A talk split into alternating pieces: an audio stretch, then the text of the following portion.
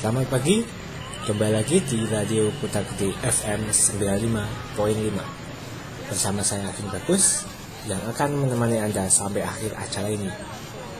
Jelang Ramadan, harga sejumlah bahan kebutuhan pokok di Yogyakarta mulai naik. Beberapa pedagang di pasar Kota Gede Yogyakarta mengaku kenaikan harga kebutuhan pokok dalam puasa kali ini lebih parah.